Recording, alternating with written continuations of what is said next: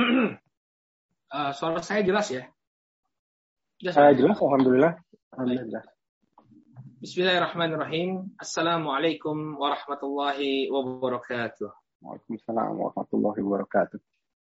Innal hamdalillah nahmaduhu wa nasta'inuhu wa nastaghfiruh wa na'udzu billahi min shururi anfusina wa min sayyiati a'malina may yahdihillahu fala mudilla lahu wa may yudlil fala hadiya lahu Illallah wahdahu la syarika lah wa ashhadu anna Muhammadan abduhu wa rasuluh.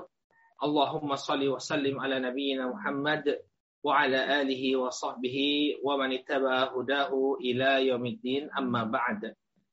Saudaraku kaum muslimin di mana pun antum berada, Alhamdulillah puji syukur kita panjatkan kepada Allah Subhanahu wa taala atas segala nikmat yang telah Allah Subhanahu wa taala anugerahkan kepada kita semua terutama nikmat taufik dan hidayah dari Allah sehingga sampai saat ini kita masih bisa melaksanakan ketaatan demi ketaatan kepada Allah Subhanahu wa taala. Kita berharap mudah-mudahan Allah Subhanahu wa taala menganugerahkan keistiqomahan kepada kita semua. Amin, Amin ya rabbal alamin. Salawat serta salam semoga senantiasa tercurah kepada junjungan kita, panutan kita, teladan kita, Nabi kita Muhammad Sallallahu Alaihi Wasallam, kepada keluarga, para sahabat dan pengikut beliau hingga akhir zaman. Saudaraku kaum muslimin, di mana pun antum berada, Insya Allah di kesempatan kali ini kita akan kembali melanjutkan pelajaran kita membahas sirah dari sahabat yang mulia Ali bin Abi Thalib radhiyallahu taala anhu. Pada pertemuan yang terakhir, alhamdulillah kita telah uh, jelaskan tentang perang Siffin. Ini perang yang terjadi di antara kubunya Ali bin Abi Thalib melawan kubunya Aisyah, Talha dan Az-Zubair. Kita sebutkan bahwa terjadi tragedi yang cukup menyedihkan di sana, di mana Talha dan Az-Zubair gugur di medan pertempuran, kemudian jatuh korban yang demikian banyak dari pihak Ali, demikian juga dari pihak Aisyah radhiyallahu taala anha, sampai kemudian Ali memenangkan pertempuran dan mengembalikan Aisyah radhiyallahu taala anha ke kota Madinah. Maka insya Allah kita akan uh, bahas fase selanjutnya yang terjadi pada kehidupan Ali bin Abi Thalib radhiyallahu taala anhu yaitu terjadinya uh, perang ya masih dengan masih sama sahabat ya kalau yang pertama perang perang Jamal itu antara Nabi uh, antara Ali bin Abi Thalib dengan Aisyah radhiyallahu taala anha, Talha dan Zubair. Maka perang yang terjadi selanjutnya dikenal dengan nama Perang Siffin. Perang Siffin ini adalah perang yang terjadi antara Ali bin Abi Thalib dengan Muawiyah bin Abi Sufyan radhiyallahu taala anhu. Mungkin sebelum kita masuk membahas tentang konflik antara kedua sahabat yang mulia ini, kita perlu perkenalkan terlebih dahulu siapa Muawiyah bin Abi Sufyan. Ya, Muawiyah bin Abi Sufyan adalah seorang sahabat yang mulia beliau adalah putra dari Abu Sufyan. Dan Abu Sufyan ini ketika masih berada dalam kesyirikan, dia termasuk pemimpin atau komandan kaum musyrikin. Dalam perang Uhud misalnya, ya eh, Abu Sufyan bertindak sebagai panglima perang. Maka putra beliau ini ada yang bernama Muawiyah. Dan uh, Muawiyah ini masih memiliki hubungan kekerabatan dengan Utsman bin Affan radhiyallahu taala anhu. Dan di antara keutamaan Muawiyah, ya, beliau adalah salah seorang sahabat yang dipercaya oleh Nabi Shallallahu Alaihi Wasallam untuk mencatat wahyu. Jadi beliau uh, radhiyallahu taala anhu setelah beliau masuk Islam, uh, para ulama berbeda pendapat tentang kapan Muawiyah masuk Islam. Sebagian mengatakan bahwa Muawiyah masuk Islam ketika Fatu Makkah, ketika Nabi alaihi berhasil menaklukkan kota Makkah Sebagian yang lagi mengatakan bahwa sebelum itu beliau telah masuk Islam, namun beliau menyembunyikan keislamannya. Ya, beliau menyembunyikan keislamannya. Namun setelah jelas beliau masuk Islam, Nabi Shallallahu Alaihi Wasallam mempercayakan sebuah tugas yang eh, tidak sembarangan ya kepada Muawiyah bin Abi Sufyan. Nabi Shallallahu Alaihi Wasallam mengamanahi eh, kepada beliau tugas untuk mencatat mencatat wahyu. Dan beliau memiliki seorang saudara wanita yang bernama Ummu Habibah. Dan Ummu Habibah ini adalah salah seorang dari ibu kita. Salah seorang dari Ummahatul Mukminin istri Nabi alaihi salatu wassalam. Uh, karena kecakapan beliau dalam memimpin, maka uh, Muawiyah bin Abi Sufyan ini dipercaya di masa kekhilafannya Umar bin Khattab radhiyallahu taala anhu untuk menjadi uh, pimpinan di negeri Syam untuk menjadi gubernur di negeri Syam. Sebelumnya uh, saudara laki-laki beliau yang bernama Yazid bin Abi Sufyan. Bedakan ya, ada Yazid bin Muawiyah, ini anaknya Muawiyah. Ada saudara laki-lakinya Muawiyah namanya Yazid bin Abi Sufyan. Sebelumnya yang menjabat uh, gubernur di negeri Syam itu adalah Yazid bin Abi Sufyan, saudara laki-laki dari Muawiyah. Kemudian dia meninggal dunia karena wabah taun. Lalu uh, Muawiyah pun diangkat oleh Umar bin Khattab sebagai khalifah. Ya, dan pengangkatan uh, Muawiyah sebagai khalifah ini sudah di masa Umar ya. Ini satu catatan bagi kita. Bukan di masa Utsman. Karena sebagian orang menuduh Utsman melakukan nepotisme karena menjadikan Muawiyah sebagai gubernur. Maka kita luruskan ini Muawiyah itu jadi gubernur Syam itu sebelum Utsman memegang tampuk kekhilafahan. Ya, di masa Umar bin Khattab Muawiyah sudah dipercaya menjadi gubernur negeri Syam. Bahkan kalau kita flashback lagi, saudaraku kaum muslimin yang dirahmati oleh Allah, ketika kita membahas tentang uh, peri kehidupannya Utsman bin Affan, ya, di masa Umar itu Muawiyah sempat menganjurkan atau mengusulkan kepada Umar untuk membentuk angkatan laut. Ya, masih ingat kan? Ya, jadi dulu eh, di masa Umar Muawiyah itu mengusulkan kepada Umar untuk membentuk angkatan laut, tapi Umar khawatir ya. Khawatir dengan ketidakamanan eh, ketika berangkat ke laut akan ditimpa gelombang dan lain sebagainya, maka dibatalkan Nah, ketika Umar meninggal dunia lalu Utsman naik menjadi khalifah, maka usulan ini diajukan kembali oleh Muawiyah dan disetujui oleh Utsman bin Affan. Sehingga kaum muslimin pun memiliki angkatan laut ya eh, yang eh, apa yang merupakan usulan dari Muawiyah bin Abi Sufyan radhiyallahu taala anhu. Dan Nabi Shallallahu alaihi wasallam ini pernah mendoakan kebaikan bagi Muawiyah dalam hadis yang diriwayatkan oleh Imam Tirmidzi, beliau berdoa, Allahumma ja'alhu hadiyan mahdiyan wahdi bihi. Ini satu doa dari Nabi alaihi salatu wasalam untuk Muawiyah. Ya Allah, ij'alhu hadiyan mahdiyan. Jadikanlah Muawiyah ini sebagai pemberi hidayah, pemberi petunjuk. Mahdiyan dan juga diberi petunjuk. Ya, wahdi bihi dan berilah hidayah melalui perantaraan Muawiyah. Berilah hidayah melalui perantaraan Muawiyah. Ya, ini doa yang dipanjatkan uh, oleh Nabi Alaihissalam untuk Muawiyah bin Abi Abi Sufyan. Dan beliau, masya Allah ya, beliau sebagai seorang gubernur, ya beliau adalah gubernur yang sangat dicintai oleh rakyatnya. Oleh karena itulah uh, banyak orang yang loyal kepada Muawiyah. Ketika terjadi uh, konflik di antara beliau dengan Ali bin Abi Thalib, ya pendukung Muawiyah ini banyak. Ya. Karena apa? Karena mereka mencintai Muawiyah. Muawiyah dikenal sebagai gubernur yang sangat care terhadap rakyatnya. Ya, sehingga wajar beliau memiliki banyak pendukung ketika terjadi uh, konflik antara beliau dengan Ali bin Abi Thalib radhiyallahu taala anhu. Baik, uh, dan asal muasal atau awal uh, terjadinya peperangan ini ya kembali lagi pada wafatnya atau terbunuhnya Utsman bin Affan radhiyallahu anhu. Di awal tadi sudah kita jelaskan bahwa Muawiyah ini memiliki hubungan kekerabatan dengan Utsman bin Affan. Dan sebagai eh, orang yang memiliki hubungan kekerabatan, ya Muawiyah punya hak untuk menuntut balas atau untuk menuntut agar pembunuh Utsman itu dibunuh. Dalam surat Al-Isra ayat yang ke-33 Al-Isra ayat ke-33 ya Allah Subhanahu wa taala berfirman wa man qutila madluman faqad ja'alna li walihi sultana Barang siapa yang dibunuh secara zalim kata Allah Subhanahu wa taala maka sesungguhnya kami telah memberikan kekuasaan kepada ahli warisnya. Jadi ahli warisnya artinya keluarganya ini memiliki hak untuk meminta kisos. Ya, orang yang telah membunuh anggota keluarganya untuk dibunuh. Nah Muawiyah ini masih e, karib kerabatnya Utsman dan dia menuntut e, adanya e, apa tindakan tegas dari Ali bin Abi Thalib radhiyallahu taala Ya. Tapi Ali bin Abi Thalib menginginkan agar Muawiyah berbaiat.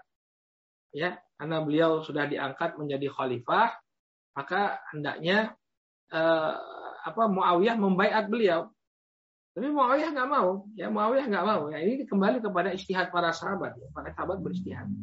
Ali menganggap bahwa yang perlu diprioritaskan adalah urusan pembaiatan, sementara Muawiyah bin Abi Sufyan, ya karena beliau adalah karib kerabatnya Utsman dan Utsman pun telah terbunuh dengan uh, dengan didolimi, ya dengan keadaan yang sangat tragis, maka beliau mengatakan bahwa saya berhak untuk menuntut agar Utsman, pembunuh Utsman, ya diproses terlebih terlebih dahulu. Ya. Jadi ini kembali kepada istihadnya para sahabat. Nah, kemudian eh, apa Muawiyah pun tidak mau membaiat Ali bin Abi Thalib radhiyallahu anhu karena sebab tersebut.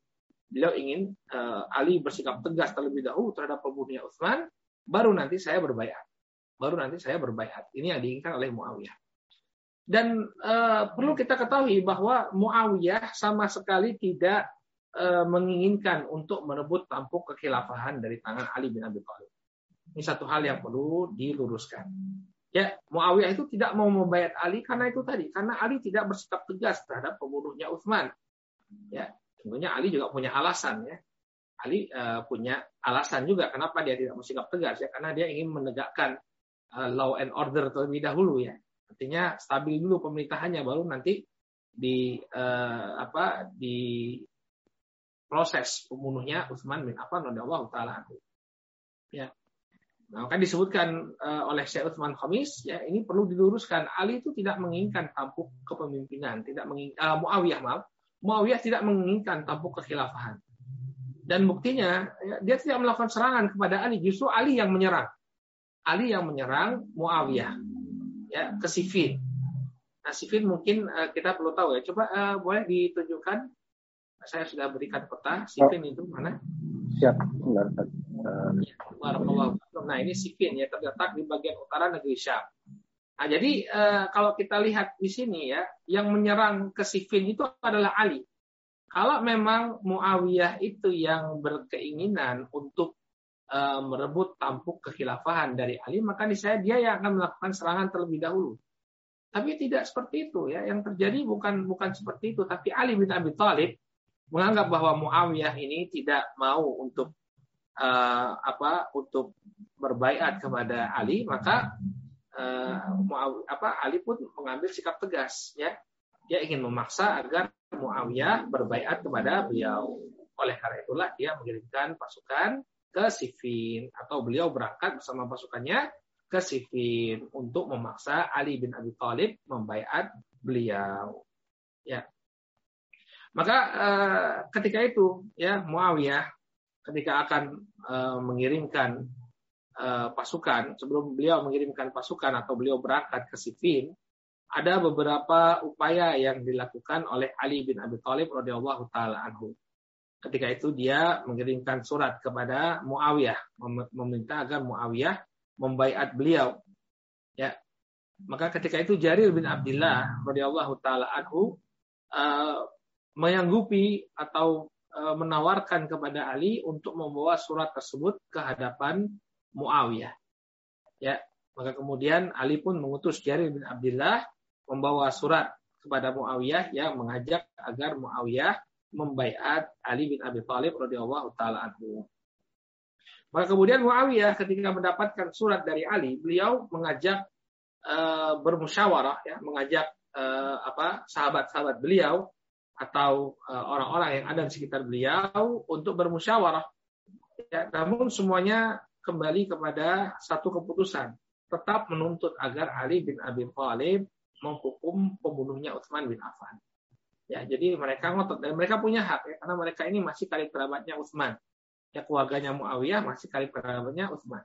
Ya, setelah bermusyawarah ya tetap pada keputusan meminta agar Ali bin Abi Thalib radhiyallahu taala anhu ya uh, untuk bersikap tegas kepada pembunuhnya Utsman. Maka ketika uh, Jarir bin Abdullah kembali kepada Muawiyah membawa kabar bahwa Muawiyah tetap tidak mau untuk uh, membaiat ya membaiat Ali sebagai khalifah, maka Ali pun membawa pasukannya menuju negeri Syam.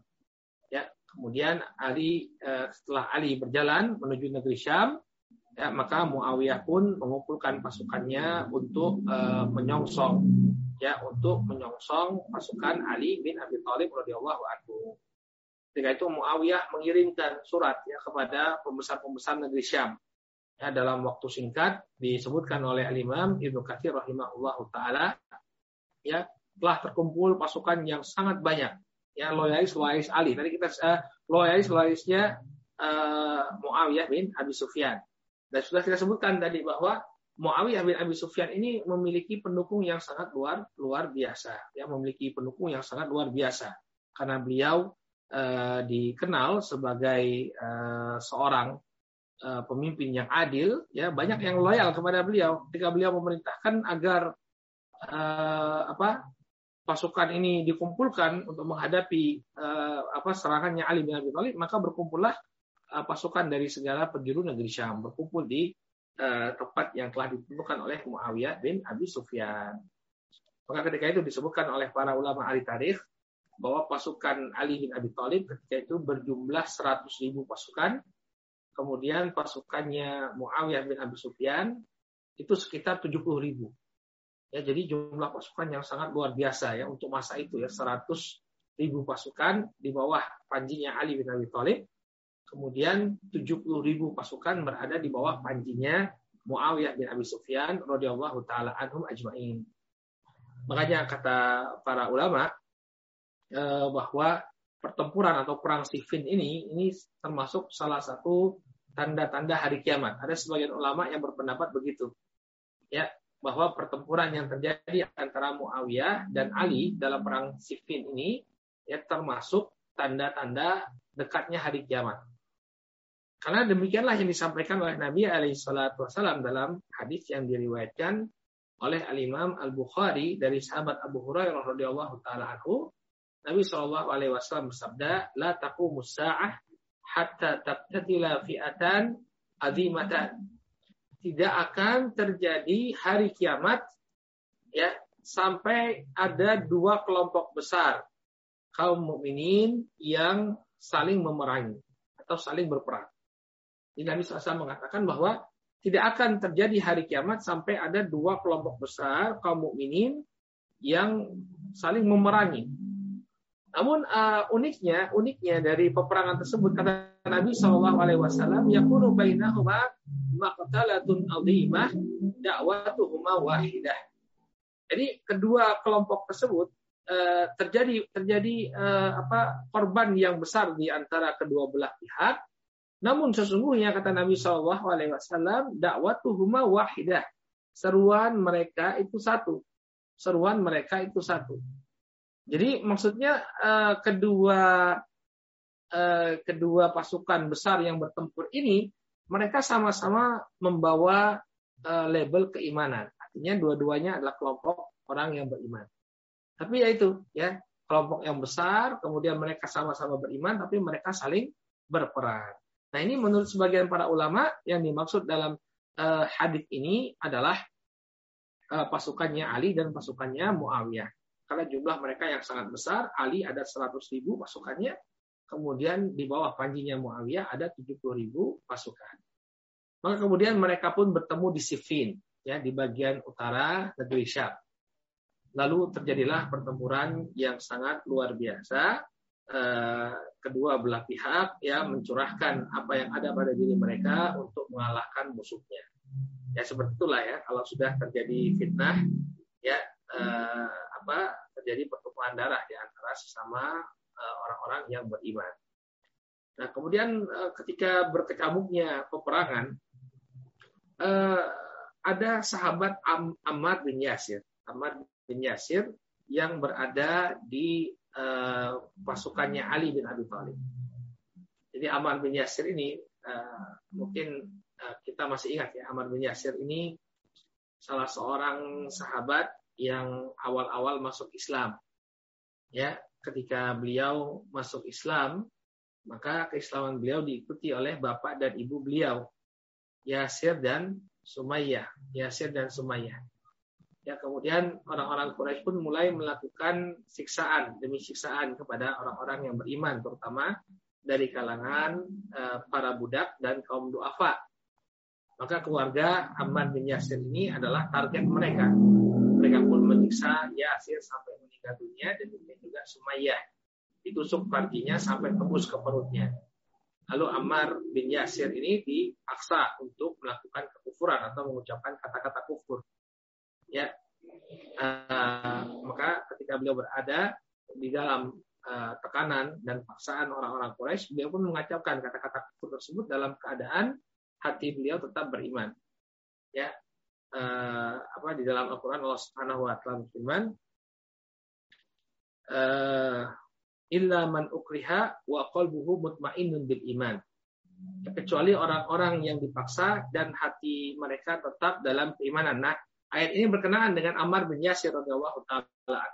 Karena Ammar bin Yasir itu disiksa, dipaksa untuk mengucapkan kata-kata kufur, maka karena tidak tahan dengan siksaan tersebut, beliau mengucapkan kata-kata kufur tadi dalam keadaan hatinya tetap tenang di atas keimanan. Nah, ini sosok Ammar bin Yasir.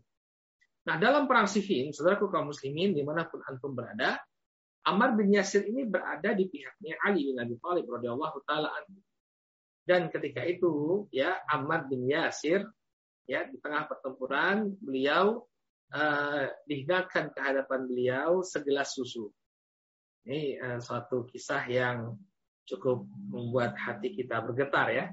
Bagaimana seorang sahabat uh, mengetahui bahwa ajalnya itu sudah tiba. Ya, jadi di tengah pertempuran itu ada orang yang menghidangkan segelas susu kepada Ammar bin Yasir. Maka beliau pun tersenyum dan tertawa. Ya.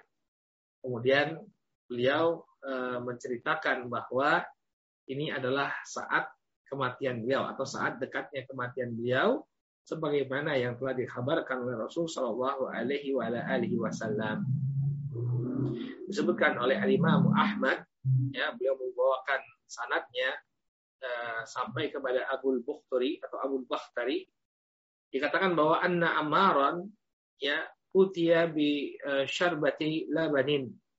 Fadhik di perang Siffin Ammar bin Yasir ini uh, dihidangkan ke hadapannya atau diberikan kepadanya segelas susu. Ya fadhik maka kemudian beliau tertawa.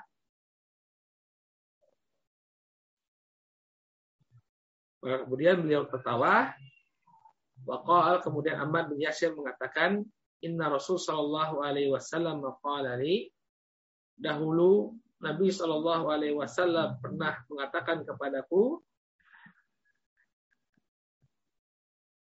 akhiru syarabin ashrabuhu labanun ashrabuhu labanun hina amut.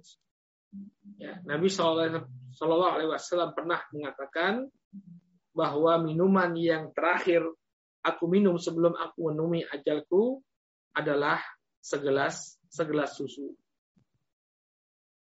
Ya, jadi Ammar bin Yasir ketika dalam pertempuran itu beliau dihidangkan segelas susu, eh, beliau teringat dengan sabda Nabi Shallallahu Alaihi Wasallam bahwa minuman yang terakhir yang akan diminum oleh Ammar bin Yasir adalah segelas susu sebelum ajalnya datang. Kemudian beliau pun meminum segelas susu tersebut, lalu beliau pun terbunuh dalam pertempuran. Maka ketika melihat Ammar bin Yasir ini uh, telah gugur di medan pertempuran, Abdullah bin Amr bin Al-As ya uh, mengatakan kepada bapaknya. Jadi Abdullah bin Amr bin Al-As ini adalah salah seorang sahabat yang mulia. Beliau sebenarnya tidak mau ikut-ikutan konflik yang terjadi di antara para sahabat. Hanya saja ketika itu beliau mengawal bapaknya Amr bin Al-As yang berada di pihaknya Ali bin Abi Thalib radhiyallahu taala Maka ketika mendengar kabar atau dia melihat Ammar bin Yasir terbunuh di medan pertempuran, Abdullah bin Amr bin Al-As ya uh, mengatakan kepada bapaknya karena memang tugas beliau di sana itu mengawal sang bapak, yakni Amr bin Al-As. Abdullah bin Amr mengatakan kepada bapaknya, wahai bapakku, tidakkah engkau pernah mendengar Rasul Shallallahu Alaihi Wasallam bersabda, ya, waiha Ammarin tabtulhu alfiatul baghiyah. Kasihan sekali Ammar ini. Nabi SAW pernah mengatakan, kasihan sekali Ammar ini. Karena dia dibunuh oleh kelompok yang durhaka. Maka kata Abdullah bin Amr bin Al-As, yang membunuh Ammar bin Yasir ini adalah kelompoknya Ali ya kelompoknya Muawiyah, maaf, adalah kelompoknya Muawiyah. Maka jelas bahwa kelompoknya Muawiyah, wahai bapakku yang sekarang engkau berada di pihaknya adalah kelompok yang keliru. Kenapa? Karena kelompok inilah yang telah membunuh Ammar bin Yasir radhiyallahu taala anhu. Kemudian Ammar bin Al-As pun uh, merubah sikapnya ketika dia mendengar apa yang disampaikan oleh anaknya tadi. Ya, bahwa Ammar bin Yasir akan dibunuh oleh Alfiatul Baghiyah, yakni. Maka kelompok yang durhakanya siapa? Ini kelompoknya Muawiyah. Ya, kelompoknya Muawiyah, kelompok yang memberontak. Maka Ammar bin Yasir mulai mengendorkan semangatnya, dia mulai kendor semangatnya dalam bertempur. Lalu dia menyampaikan hadis ini kepada Muawiyah bin Abi Sufyan. Dikatakan kepada Muawiyah, wahai Muawiyah, sesungguhnya Nabi Shallallahu Alaihi Wasallam mengatakan bahwa Ammar bin Yasir akan terbunuh oleh pihak yang memberontak. Dan itu adalah kita. Berarti kita berada di pihak yang salah. Namun Muawiyah bin Abi Sufyan mengatakan kepada Ammar bin Yasir, Ya, sesungguhnya kita tidak membunuh Ammar bin Yasir. Ya, akan tetapi orang-orang yang membawa dia ke medan pertempuran, menyuruh dia untuk ikut berperang di pihaknya Ali bin Abi Thalib, mereka lah yang telah membunuh Ammar bin Yasir. Ya, jadi Muawiyah mengelak kalau dibilang bahwa dia adalah pihak yang salah. Ya, bisa jadi yang membunuh itu bukan kita, tapi orang-orang yang telah menyeret Ammar bin Yasir untuk ikut berperang. Nah, demikian ya, mungkin istihadnya Muawiyah ya. Istihadnya Muawiyah beliau menolak anggapan bahwa pihak beliau lah yang salah. Ya, tapi bagaimana beliau memandang hadis tersebut? Ya, beliau menganggap bahwa orang yang membawa Ammar bin Yasir ke medan pertempuran lah yang telah membunuh eh, apa yang telah membunuh Ammar bin Yasir radhiyallahu taala anhu. Ya. Maka kemudian eh, Ammar eh, atau Amr Amr bin Al-As karena beliau diingatkan oleh putranya Abdullah bin Amr bin Al-As ya berupaya lagi untuk uh, melobi Muawiyah untuk menghentikan pertempuran ya apalagi telah terjatuh korban yang cukup banyak di kedua belah pihak kemudian uh, dibawalah mushaf-mushaf ya di atas tombak-tombak ke pihaknya Ali bin Abi Thalib radhiyallahu taala anhu. Ya akhirnya uh, kedua belah pihak uh, menghentikan pertempuran.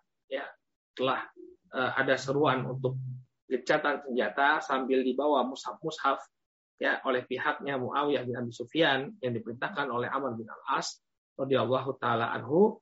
Maka kemudian eh, berhentilah pertempuran tersebut.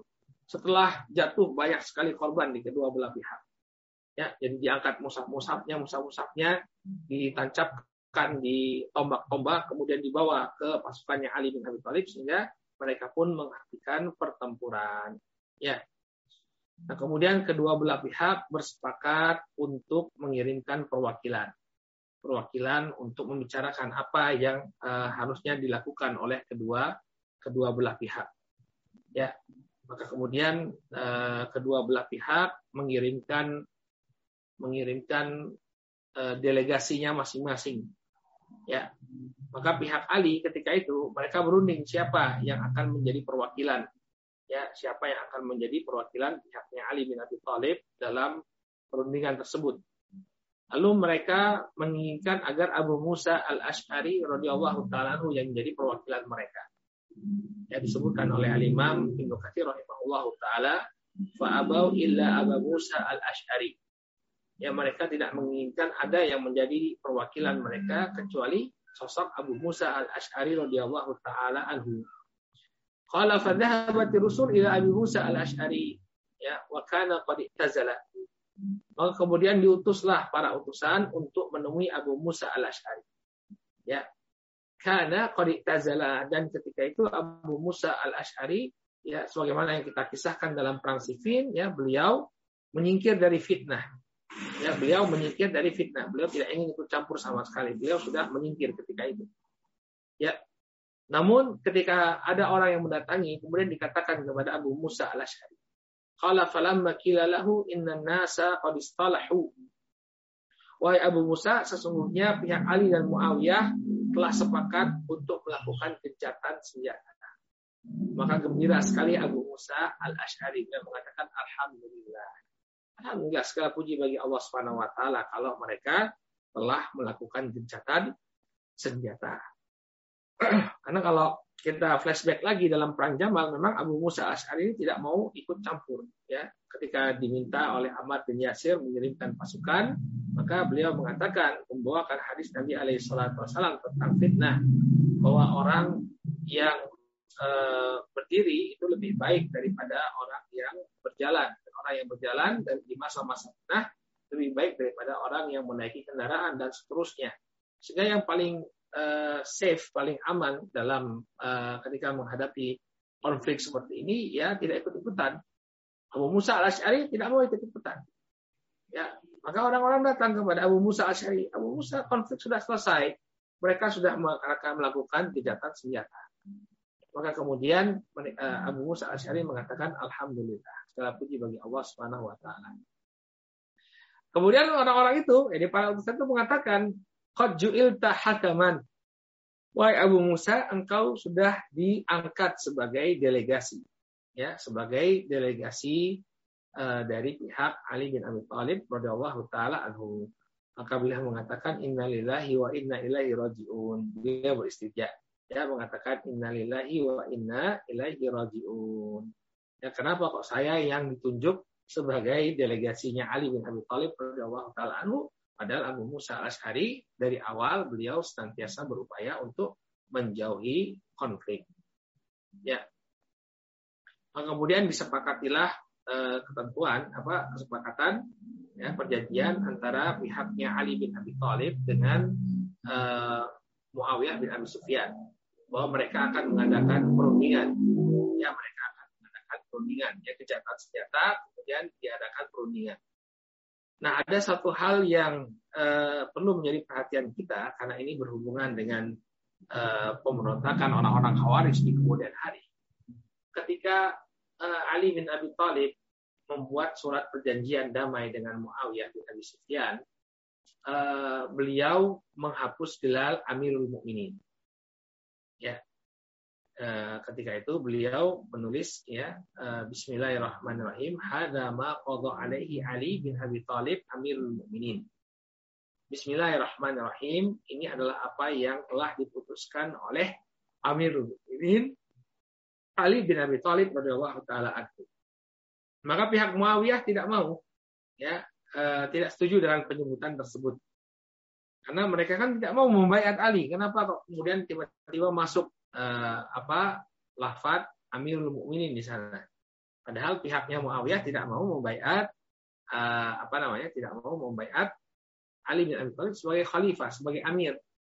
Kemudian oleh Ali bin Abi Thalib radhiyallahu taala anhu dihapuslah gelar Amirul Mukminin tersebut. Nah, ini akan menjadi satu permasalahan nanti di kemudian hari. Ini menjadi satu uh, sebab kenapa Khawarij itu memberontak karena Ali menghapus gelar Amirul Mukminin. Demi terjadinya gencatan senjata, beliau menghapus gelar Amirul Mukminin ya dalam surat perjanjian yang beliau buat. Maka kata orang-orang Khawarij nanti kita akan bahas dalam perang Nahrawan, mereka mengatakan bahwa kalau Ali itu bukan Amirul Mukminin berarti dia Amirul ka kafirin. ya, jadi memikirnya hitam putih ya. Jadi kata orang-orang Khawarij itu Ali Ali itu kafir. Kenapa? Karena dia menghapus gelar Amirul Mukminin. Kalau dia bukan Amirul Mukminin berarti dia Amirul Kafirin. Ya, inilah peristiwa yang menjadi sebab salah satu ya, salah satu saja, salah satu faktor yang uh, menjadi sebab orang-orang Khawarij memberontak kepada Ali, mengkafirkan Ali bin Abi Thalib radhiyallahu anhu. Karena Ali telah menghapus gelar Amirul Mukminin. Kemudian disepakatilah dalam surat perjanjian tersebut bahwa kedua belah pihak akan mengirimkan delegasi untuk membicarakan apa yang terbaik eh, bagi kedua belah pihak. Lalu kemudian terjadilah pertemuan di Domatul Jandal pada bulan Ramadan tahun 37 Hijriah. Ini perang sudah selesai ya, masing-masing pihak ya sudah menarik diri. Cuma eh, apa yang harus dilakukan? Dua-dua pihak sudah menarik diri, maka apa yang harus dilakukan oleh kedua belah pihak? ya mereka menyerahkan itu semua kepada delegasi mereka. Siapa delegasi mereka? Pihak Ali diwakili oleh uh, Abu Musa al Ashari tadi dan pihaknya Muawiyah diwakili oleh Amr bin Al-As radhiyallahu taala anhu. Maka kemudian terjadilah dialog antara uh, Amr bin Al-As dan Abu Musa Al-Ash'ari radhiyallahu taala tentang apa yang harus dilakukan oleh kedua belah pihak. Ya, disebutkan oleh Imam Ibnu Asyakir dalam Tarikh Dimash. Ya, beliau meriwayatkan dengan syaratnya sampai kepada Amr bin Al-As radhiyallahu taala anhu. Beliau mengatakan lama tu ana wa Abu Musa qultu lahu ma tara fi hadzal amr. Maka ketika kami berunding, aku mengadakan perundingan, perundingan uh, dengan Abu Musa al-Ash'ari ya di Daumatul Jandal, aku bertanya kepada Abu Musa al-Ash'ari radhiyallahu taala anhu, bagaimana pendapatmu wahai Abu Musa tentang perkara perkara ini? Yaitu tentang konflik yang terjadi antara Ali dan Muawiyah. Nah, maka kemudian eh, Abu Musa mengatakan qala ara annahu fin nafar alladhi tuwfiya Rasul sallallahu alaihi wa alihi wasallam wa huwa anhum radin maka kata uh, Abu Musa al-Ash'ari, tidaklah aku melihat pihak yang berkonflik ini kecuali mereka termasuk orang-orang yang ketika Nabi Shallallahu Alaihi Wasallam meninggal dunia, Nabi Shallallahu Alaihi Wasallam ridho kepada mereka. Ya, artinya kedua belah pihak uh, diridhoi oleh Allah Subhanahu wa taala dan nabinya alaihi salatu wassalam. Qala aina taj'alani min hadzal amr ana wa Muawiyah. Baik, oke memang benar ya bahwa mereka ini adalah sahabat Nabi Shallallahu Alaihi Wasallam. Namun kemudian apa pendapatmu, wahai Abu Musa, tentang kedua pasukan yang ada? Maka kemudian Abu Musa mengatakan, in yasta'in uh, bikuma ya fafikuma ma'una. Wa in yastagni ankuma faqala mastagna amrullah ankuma. Maka kata Abu Musa al-Ash'ari begini saja, kalau Ali itu membutuhkan pertolongan kalian berdua, ini pertolongan uh, Muawiyah dan juga Amr bin Al-As. Kalau Ali itu membutuhkan pertolongan kalian berdua, maka tolonglah dia. Wajib bagi kalian untuk memberikannya pertolongan. Namun kalau dia tidak membutuhkan pertolongan dari kalian, maka memang betul dari sedari dulu Allah taala tidak membutuhkan pertolongan kalian. Artinya begini, Ya sudah kalian kembali ke negeri Syam, kemudian ya sudah kalian hidup di sana, jaga perbatasan negeri kaum muslimin. Nah, kalau nanti Ali bin Abi Thalib membutuhkan sesuatu dari kalian, kalian berikan. Ya, tapi kalau tidak ya sudah masing-masing jalan. Ali jalan di Kufah, ya Muawiyah dan sahabat-sahabatnya dan uh, teman-temannya berjalan di negeri di negeri Syam. Selesai masalah. Ya, maka inilah yang menjadi kesepakatan antara keduanya antara Amr bin Al-As dan Abu Musa Al-Asy'ari ya bahwa kedua belah pasukan menahan diri dan pasukannya Muawiyah tetap bertugas untuk mempertahankan uh, perbatasan-perbatasan kaum muslimin dan apabila Ali bin Abi Thalib membutuhkan bantuan dari mereka, mereka pun harus segera memberikan bantuan. Ya, jadi berakhirlah perang Siffin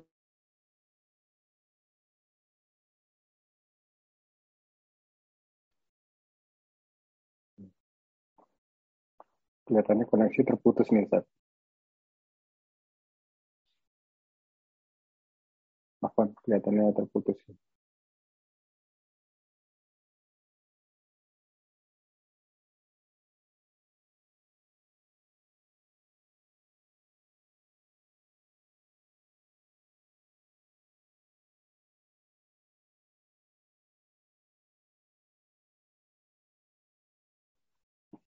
Mohon maaf, kelihatannya ada gangguan signal di uh, koneksi di tempat Ustadz. Uh, mohon bersabar.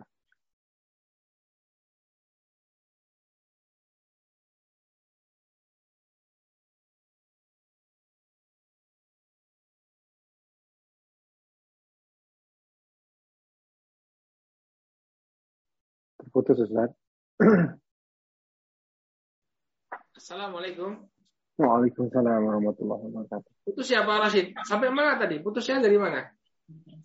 Apa? Berhentinya perang sivil itu Ustaz. Lagi pembicaraan antara dua wakil dari dua pihak. Oh iya.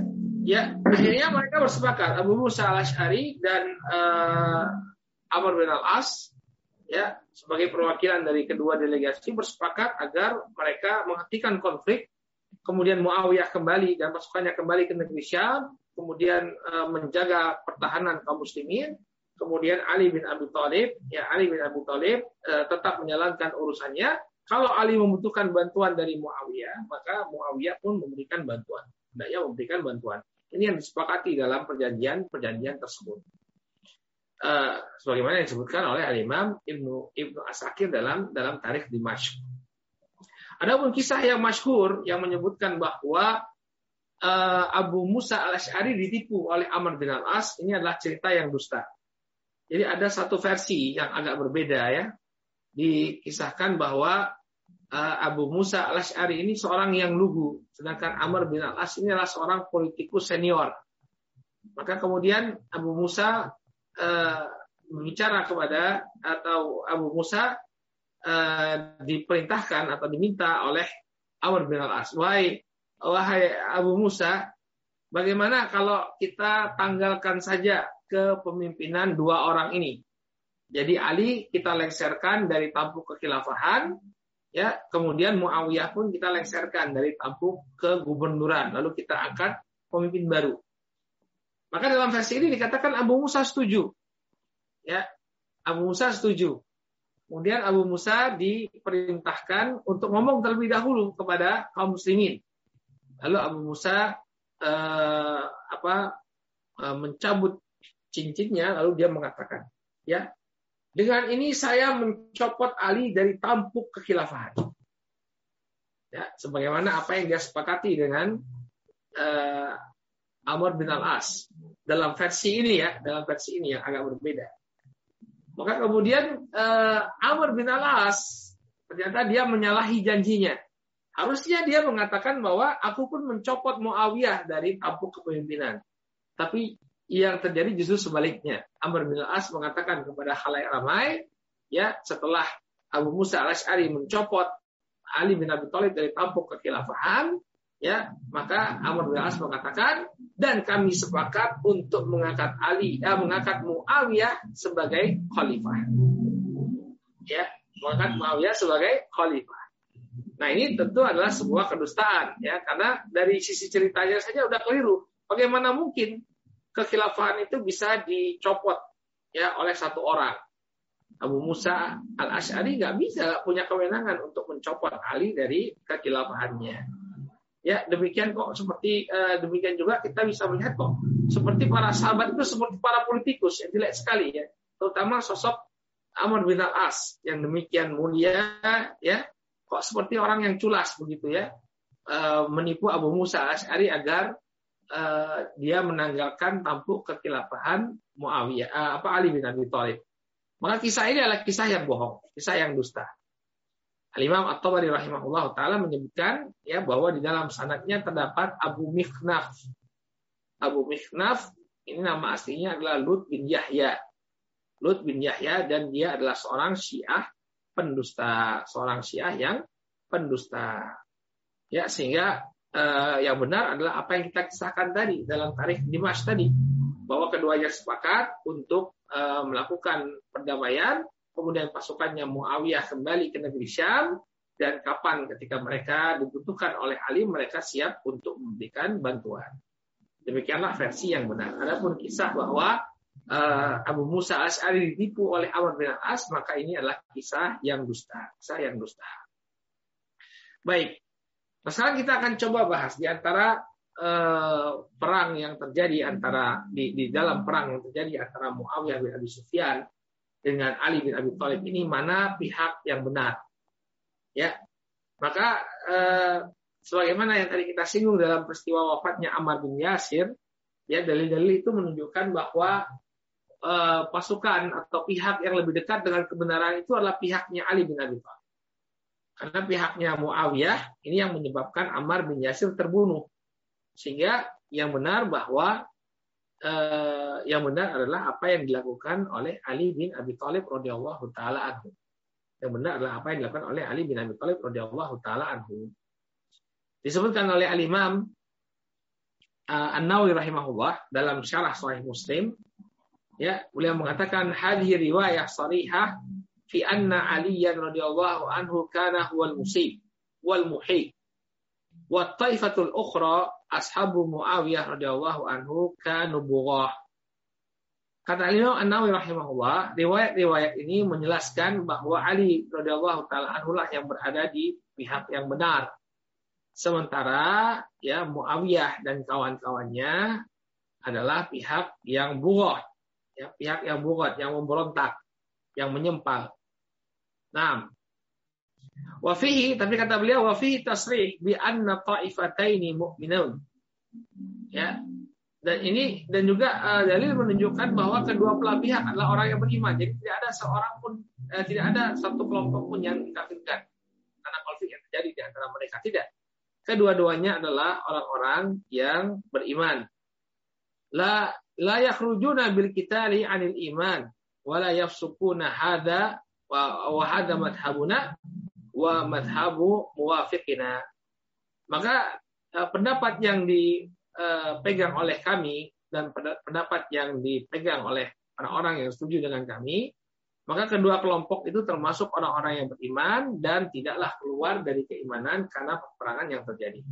Jadi perang istihad, produk istihad. Walaupun terjadi pertumpahan darah, tapi tidak ada pihak yang dikafirkan. Ya kedua-duanya berada di dalam uh, di atas uh, keimanan.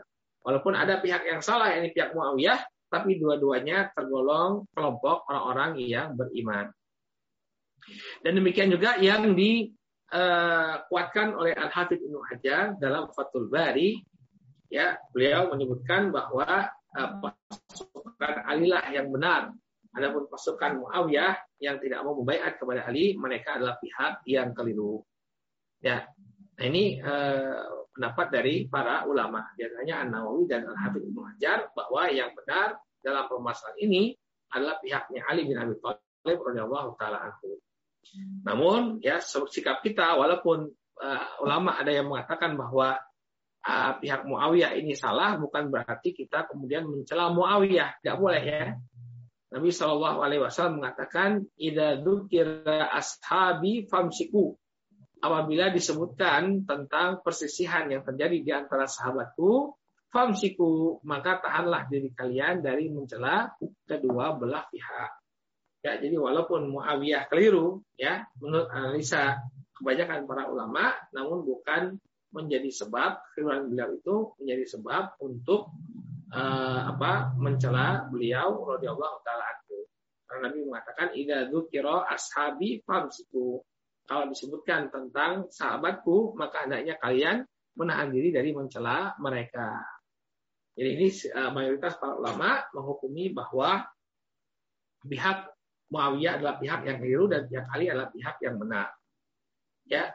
Adapun Imam Ahmad, nah Imam Ahmad memiliki pendapat yang agak sedikit berbeda ya dari apa yang kita paparkan. Kalau Imam Ahmad, beliau menolak untuk berkomentar, mengomentari tentang Ali dan Muawiyah ya diriwayatkan bahwa eh, apa Imam Ahmad ini ditanya tentang Ali dan Muawiyah maka beliau membacakan firman Allah Subhanahu wa taala dalam surat Al-Baqarah ayat yang ke-141. Surat Al-Baqarah ayat yang ke-141 ya Imam Ahmad membacanya yakni tilka ummatun qad khalat laha ma kasabat wa lakum ma kasabtum wa la tusaluna amma kanu ya'malun. Ya, Kata Allah Subhanahu wa taala, mereka itu adalah umat-umat yang telah berlalu. Muawiyah dan Ali ini sudah lewat masanya. Ya. Uh, laha makasabat walakum makasabtum. Mereka akan mendapatkan apa yang mereka lakukan, yang mereka akan mendapatkan balasan dari apa yang mereka lakukan. Ya, walakum makasabtum dan kalian di masa sekarang kalian pun akan mendapatkan balasan sesuai dengan apa yang kalian kerjakan ya. Jadi ya sudah ya mereka memilih uh, untuk berperang ya. Maka itu urusannya mereka. Nanti biarkan mereka mempertanggungjawabannya di hadapan Allah Subhanahu wa taala. Walakum maka sabtum yang penting itu apa yang uh, kalian lakukan bukan apa yang mereka lakukan. Walatus aluna amma kanu ya'malun. Dan kalian tidak akan dimintai pertanggungjawaban tentang apa yang telah dilakukan ya oleh mereka. Ya sudah kata Imam Ahmad, biarkan saja konflik itu menjadi catatan sejarah.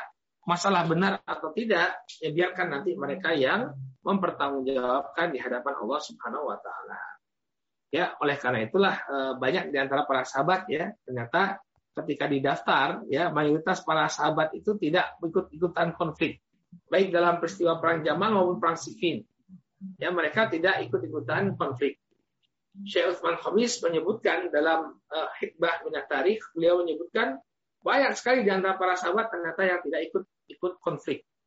Di antaranya Sa'ad bin Abi Waqqas, Said bin Zaid, Abdullah bin Umar, Muhammad bin Maslamah, Usamah bin Zaid, Abu Hurairah, ya Zaid bin Thabit, Imran bin Husain dan masih banyak lagi di antara para sahabat yang tidak mengikuti konflik tersebut.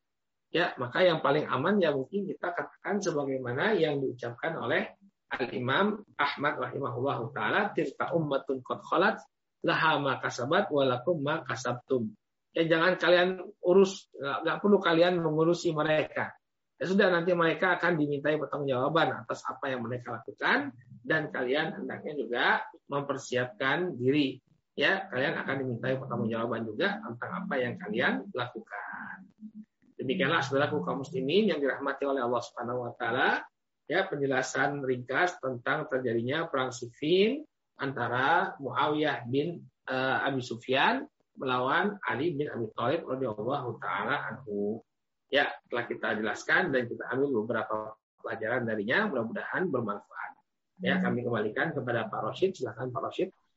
Alhamdulillahirrahmanirrahim. Jazakallah khair Ustaz. Um, saya ingatkan kembali ke teman-teman jika ingin bertanya langsung silahkan raise hand uh, dan ingin ber, jika ber, in, titip pertanyaan silahkan ke admin Fabiola atau uh, melalui WhatsApp. Baik, ini ada Afwan ini kayaknya telepon saya. Mana tombol share screen-nya? Oh, ini. Mbak. Ya. Bismillahirrahmanirrahim. Ada ada dua penanya eh, dengan pertanyaan yang mirip. Saya gabungkan menjadi satu. Yang penanya pertama, Assalamualaikum Ustaz. Eh, apakah pentingnya perang sifin ini dalam perkembangan Islam setelahnya? Yang penanya kedua, Assalamualaikum warahmatullahi wabarakatuh, Pak Ustaz. Uh, apakah lesson learned atau pelajaran perang Siffin terhadap perkembangan peradaban Islam dan mohon pencerahannya dan dalilnya Ustaz. Baik. Uh, uh, di untuk pertanyaan yang pertama tentang pentingnya perang Siffin ya uh, atau bagaimana ya pengaruh ya pengaruh perang Siffin ini dalam perkembangan Islam setelahnya ya bahwa uh, kita bisa melihat uh, bahwa Muawiyah ketika itu ya beliau ternyata memiliki kekuatan yang cukup besar ya sehingga bisa uh, menandingi pasukannya Ali bin Abi Thalib. Dan ini nanti akan menjadi uh, cikal bakal berdirinya kerajaan pertama dalam dalam Islam yang uh, dikenal sebagai kerajaan atau dinasti Bani Umayyah. Ya berawalnya dari sini, dari Muawiyah ini. Karena Muawiyah ini memiliki banyak loyalis sehingga uh, beliau pasca wafatnya Ali bin Abi Thalib nanti kita akan sampai pada uh, momen tersebut insya Allah pasca wafatnya Ali bin Abi Thalib ya maka beliau mendirikan kerajaan pertama dalam Islam yaitu dinasti Bani Umayyah karena banyaknya pendukung beliau di negeri Syam yang kemudian dinasti Bani Umayyah ini ya, bertahan cukup lama dan berhasil untuk uh, memperluas wilayah Islam sampai ke Spanyol sampai ke Spanyol. Ya, kalau ke arah baratnya itu sampai ke Spanyol, sampai ke pegunungan uh, apa ke Alpen itu ya di Prancis itu.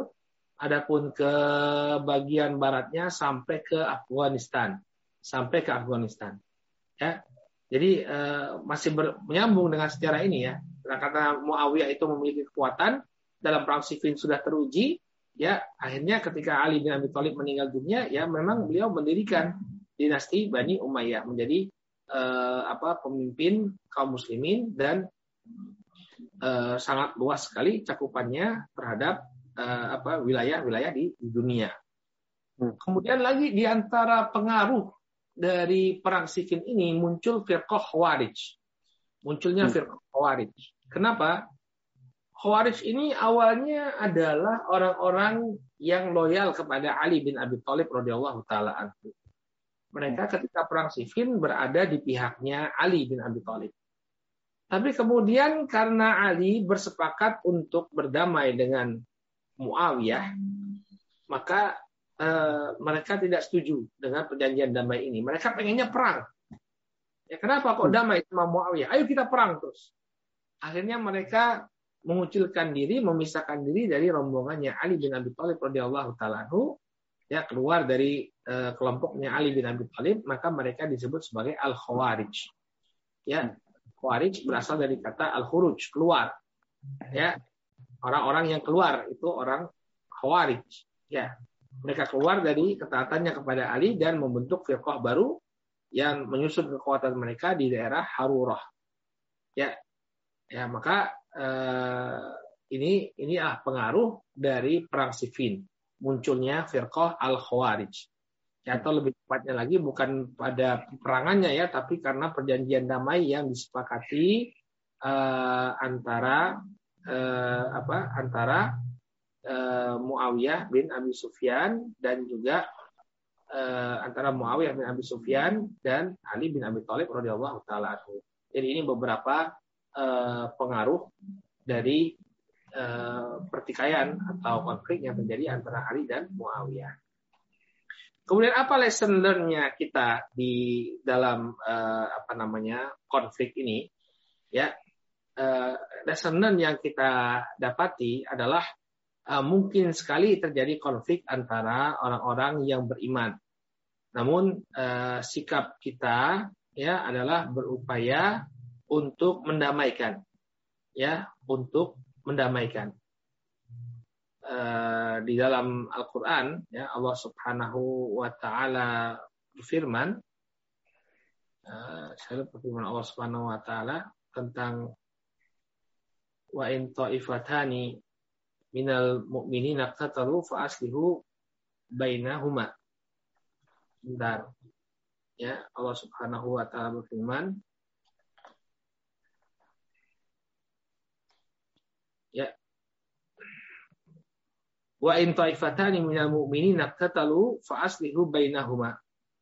Apabila ada dua kelompok dari orang yang beriman itu bertikai, ya apabila ada dua kelompok dari orang-orang yang beriman itu bertikai, faslihu bainahuma. Maka damaikanlah keduanya. Ya, fa in bagat ihdahuma alal ukhra faqatilul ladzi tabghi. Kalau misalnya sudah diupayakan untuk berdamai, kemudian salah satu di antara kedua belah pihak itu tetap e, memberontak, ya, maka pihak yang memberontak ini hendaknya diperangi. Ini firman Allah Subhanahu wa taala dalam surat Al-Hujurat ayat yang ke-9.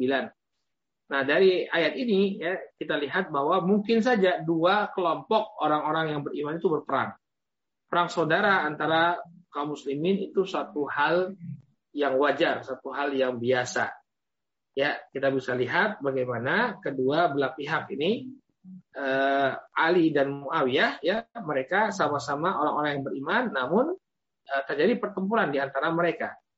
Maka apa yang harus kita lakukan? Fa aslihu bainahuma. Ya, buatlah mereka berdua atau kedua belah pihak ini berdamai.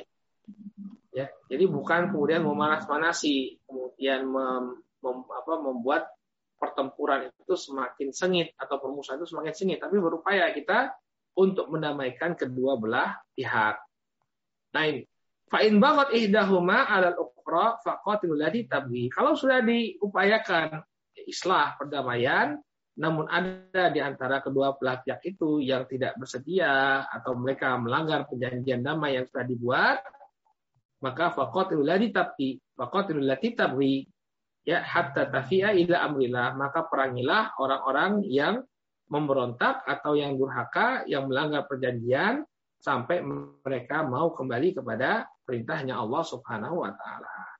Ya, jadi begitu mekanisme ketika terjadi eh, pertikaian atau pertumpahan darah di antara orang-orang yang beriman. Ya, hendaknya diupayakan adanya islah. Dan ini dilakukan oleh uh, Abu Musa al Ashari dengan Amr bin al-As. Ya, mereka untuk melakukan islah sehingga terhenti pertumpahan darah di antara pasukannya Ali dengan pasukannya Muawiyah radhiyallahu taala anhu. Wallahu hmm. taala. Baik. Uh, Afwan saya uh, Ustaz saya mau tanya juga nih yang sesuai dengan ini. Jadi dalam dalam dari sini kan uh, untuk perkembangan agama Islam itu sendiri dari sejak poin ini ke sampai sekarang itu apa ini impactnya Ustaz? Apakah ini yang menyebabkan menjadi 73 bagian atau bagaimana Ustaz? Tidak, tidak. Ya, ya tadi sebagaimana yang kita sebutkan ya, setelah terjadinya konflik antara Ali dan Muawiyah ini muncul firqah, firqah hmm. Khawarij. Ini orang-orang yang keluar dari ketaatan kepada Ali bin Abi Thalib radhiyallahu taala anhu. Dan hmm. uh, firqah Khawarij ini memiliki ide-ide atau pemikiran-pemikiran yang uh, diadopsi oleh sebagian orang di masa kita. Ya, hmm. yang mudah mengkafirkan, ya, orang-orang yang berseberangan, ya. Dan sampai sekarang masih terasa pengaruh keberadaan firqah Khawarij ini di tengah-tengah kaum muslimin. Ya. Jadi setelah dan itu terjadi pasca perang Siffin atau lebih tepatnya setelah terjadi perdamaian antara uh, Ali bin Abi Thalib dengan uh, Muawiyah bin bin Abi Sufyan. Hmm, Adapun mungkin yang dimaksud munculnya golongan Syiah, ya golongan Syiah itu nggak muncul sejak dari awal, dari awal konflik uh, perang perang Jamal itu sudah ada Syiah ya, Syiatul Ali, jadi orang-orang yang pro kepada Ali bin Abi Thalib radhiyallahu taala Ya, di masa itu sudah ada. Jadi Syiah Syiah itu awalnya adalah uh, penisbatan kepada Ali, Syiatu Ali, artinya golongan yang bersama dengan Ali bin Abi Thalib. Namun kemudian golongan eh, kelompok ini berkembang ya uh, sampai dia memiliki sifat bulu kepada Ali bin Abi Thalib sampai kemudian uh, memandang bahwa Ali bin Abi Thalib ini yang lebih berhak untuk memegang tampuk kekhilafahan daripada Abu Bakar dan dan Umar. Ya. Oh. orang-orang itu ada di pihaknya Ali bin Abi Thalib. Dan orang-orang Khawarij ini juga asalnya asal muasalnya adalah Syiatul Ali. Adalah kelompok yang mendukung Ali. Hanya saja ketika Ali membuat perjanjian damai dengan Muawiyah, ya mereka memisahkan diri dan membentuk kekuatan baru yang disebut sebagai Al-Khawarij. Ya, jadi memang di masa-masa inilah muncul firqah-firqah yang menyempal dari kaum muslimin. Di antaranya adalah firqah Khawarij dan juga firqah Syiah. Ya, itu yang sampai sekarang berkembang ya. Sekarang masih ada Syiah masih ada, Khawarij juga masih masih ada orang-orang yang mengadopsi pemikiran Khawarij. Ya. Uh, ini ada pertanyaan uh, terakhir untuk malam ini nih Ustaz. Uh, mungkin ada Bismillah Ustaz izin bertanya bagaimana keadaan kaum muslimin pada saat itu dengan dua kepemimpinan tersebut. Maksudnya Eh, kepemimpinan Ali bin Abi Thalib dan Muawiyah. Apakah mereka menjadi bingung maksudnya kaum muslim ini Ustaz kayaknya? Uh, wallahu taala a'lam ya uh, kaum muslimin ya selain yang berada di negeri Syam ketika itu ya mereka menganggap Ali bin Abi Thalib sebagai khalifah. Hmm. Adapun orang-orang yang ada di negeri Syam ya mereka menjadi pengikutnya Muawiyah bin Abi Sufyan ya sehingga uh, kalau dikatakan bingung ya tidak juga karena orang-orang yang berada di negeri Syam mereka mengikuti uh, Muawiyah bin Abi Sufyan adapun orang-orang yang uh, berada di luar negeri Syam di wilayah kaum muslimin selain negeri Syam mereka semua mengikuti Ali bin Abi Thalib radhiyallahu taala tapi apakah uh, ada dua kekhilafan ketika itu tidak jawabannya ya khilafah berada di tangan Ali bin Abi Thalib Ya, adapun Muawiyah dia tidak mengangkat dirinya sebagai khalifah ketika itu. Tidak. Dia hanya berkuasa di negeri Syam saja.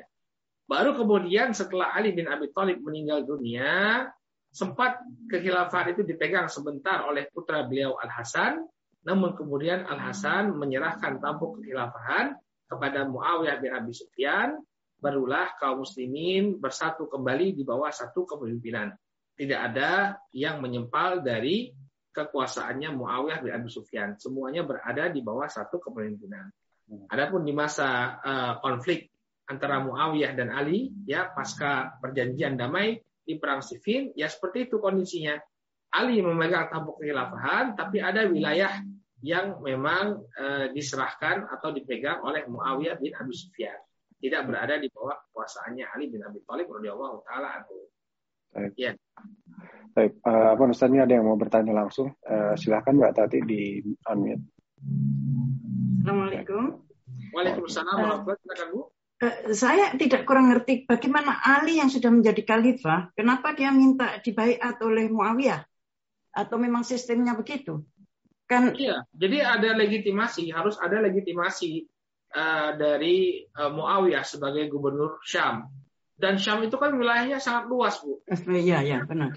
Kekhilafahan uh, Ali bin Abi Thalib tidak diakui oleh penduduk negeri Syam yang berada di bawah Muawiyah, berarti uh, ada wilayah yang secara secara efektif tidak berada di bawah kekuasaannya Ali. Makanya dia penting sekali meminta agar Muawiyah itu membaiat agar negeri Syam itu benar-benar berada di bawah uh, kepemimpinan kekuasaan dia. Tapi hmm. Muawiyah kan tidak mau, ya, tidak mau. Hmm. Makanya Ali menyerang Muawiyah agar Muawiyah itu mau tunduk memberikan bayar. Namun kemudian terjadilah perang Siffin dan disepakati akhirnya ya sudah Ali mengalah ya Muawiyah kembali ke negeri Syam, Ali pun mengurusi wilayah yang dia kuasai. Ya, kalau Ali membutuhkan bantuan Muawiyah maka dia akan meminta pertolongan dari Muawiyah. Dan oleh Abu Musa al Ashari dan Ammar Ammar bin Yasir ya dalam perjanjian damai tersebut. Paham Ibu? Paham, paham. Terus nah. akhirnya siapa yang membunuh Utsman bin Affan ini? Bin Affan pihak pemberontak. Ya, ah, sudah kita bahas Ibu ya. Ya, ya, ya, ya. kita bahas di uh, pertemuan tentang Utsman bin Affan. Jadi awalnya itu orang-orang yang uh, termakan fitnah ya, termakan okay. fitnah Utsman ini melakukan KKN, Utsman ini uh, menzolimi Abu Dhar Al Ghifari banyak sekali sudah kita ya, bahas. Ya, ya. Kita akan dicek pada rekaman-rekaman sebelumnya. Mhm. Jazakumullah khair. Wa anti jazakillah khairan. Baik, Baik uh, saya kira sudah habis. Sudah habis Ustaz, nggak ada pertanyaan lagi untuk malam ini. Mohon uh, panduannya untuk ditutup Ustaz. Baik, uh, Ikhwanifidin rahimani rahimahullah dengan demikian uh, selesai kita ya dari pembahasan tentang perang perang Siffin ya uh, kembali kepada apa yang kita sampaikan tadi dari pernyataannya Al Imam An Nawawi dan juga Al Imam Al Habib Ibnu Hajar rahimahullah taala bahwa uh, memang terjadi uh, ijtihad ya para sahabat sehingga terjadi konflik seperti ini dan kebenaran ya ini uh, berada pada pihaknya Ali bin Abi Thalib dan Muawiyah telah keliru dalam perkara ini. Hanya saja hendaknya kita tetap menahan lisan-lisan kita dari mencela sosok Muawiyah radhiyallahu taala anhu karena beliau adalah sahabat Nabi Shallallahu alaihi wasallam dan beliau beristihad dan istihad beliau keliru, maka kita tetap menghormati keputusan beliau dan ini sudah menjadi takdir Allah Subhanahu wa taala sehingga terjadi konflik di antara kedua belah pihak. Ataupun kita bisa mengambil pendapatnya uh, Imam Ahmad rahimahullah yang tidak menyalahkan kedua pihak pihak mana pun ya beliau berdalilkan dengan firman Allah Subhanahu wa taala tilka ummatun qad khalat laha makasabat walakum makasabtum ya mereka adalah umat-umat yang telah berlalu maka mereka akan ditanya nanti tentang apa yang mereka lakukan dan kita akan ditanya tentang apa yang kita lakukan dan kita tidak akan ditanya tentang apa yang dilakukan oleh Muawiyah dan Ali bin Abi Thalib radhiyallahu taala. Cukup. Allah taala alam miswab ya mungkin kita coba dulu kajian kita sampai di sini. Insya Allah pada pertemuan yang akan datang ya eh, perjanjian damai yang dibuat antara Muawiyah dan Ali ini tidak menyelesaikan permasalahan secara penuh karena ternyata ada pihak yang tidak setuju dan melancarkan pemberontakan kepada Ali bin Abi Thalib. Mereka adalah orang-orang Khawarij yang memberontak kepada Ali ya dan uh, berakhir nanti pada uh, terbunuhnya Ali bin Abi Thalib di tangan mereka. Bagaimana kisahnya? Insya Allah kita akan bahas di pertemuan yang akan datang. Bismillah ta'ala. Baik, kita cukupkan dulu sampai di sini. Mudah-mudahan bermanfaat. Kami kembalikan ke Pak Rashid. Silakan. Alhamdulillah, Alamin. Jazakallah khair Ustaz. Uh, insya Allah uh, kita akan bertemu kembali di kajian berikut seperti yang Ustaz sampaikan. Uh, kelanjutan dari uh, Syirah Ali bin Abi Thalib radhiyallahu anhu. Baik dari kami semua, dari pengurus, kami mohon maaf jika ada kesalahan, baik dalam sikap maupun perkataan dalam pengadaan kajian kali ini. Insya Allah kita bertemu kembali di kajian berikutnya. Kita tutup dengan kifaratul majlis. Subhanakallahumma wa bihamdika. Asyhadu an la ilaha illa anta. Astaghfiruka wa atubu ilaik. Billahi taufiq wal hidayah. Assalamualaikum warahmatullahi wabarakatuh. Waalaikumsalam warahmatullahi wabarakatuh. Jazakumullah khairan. Wa.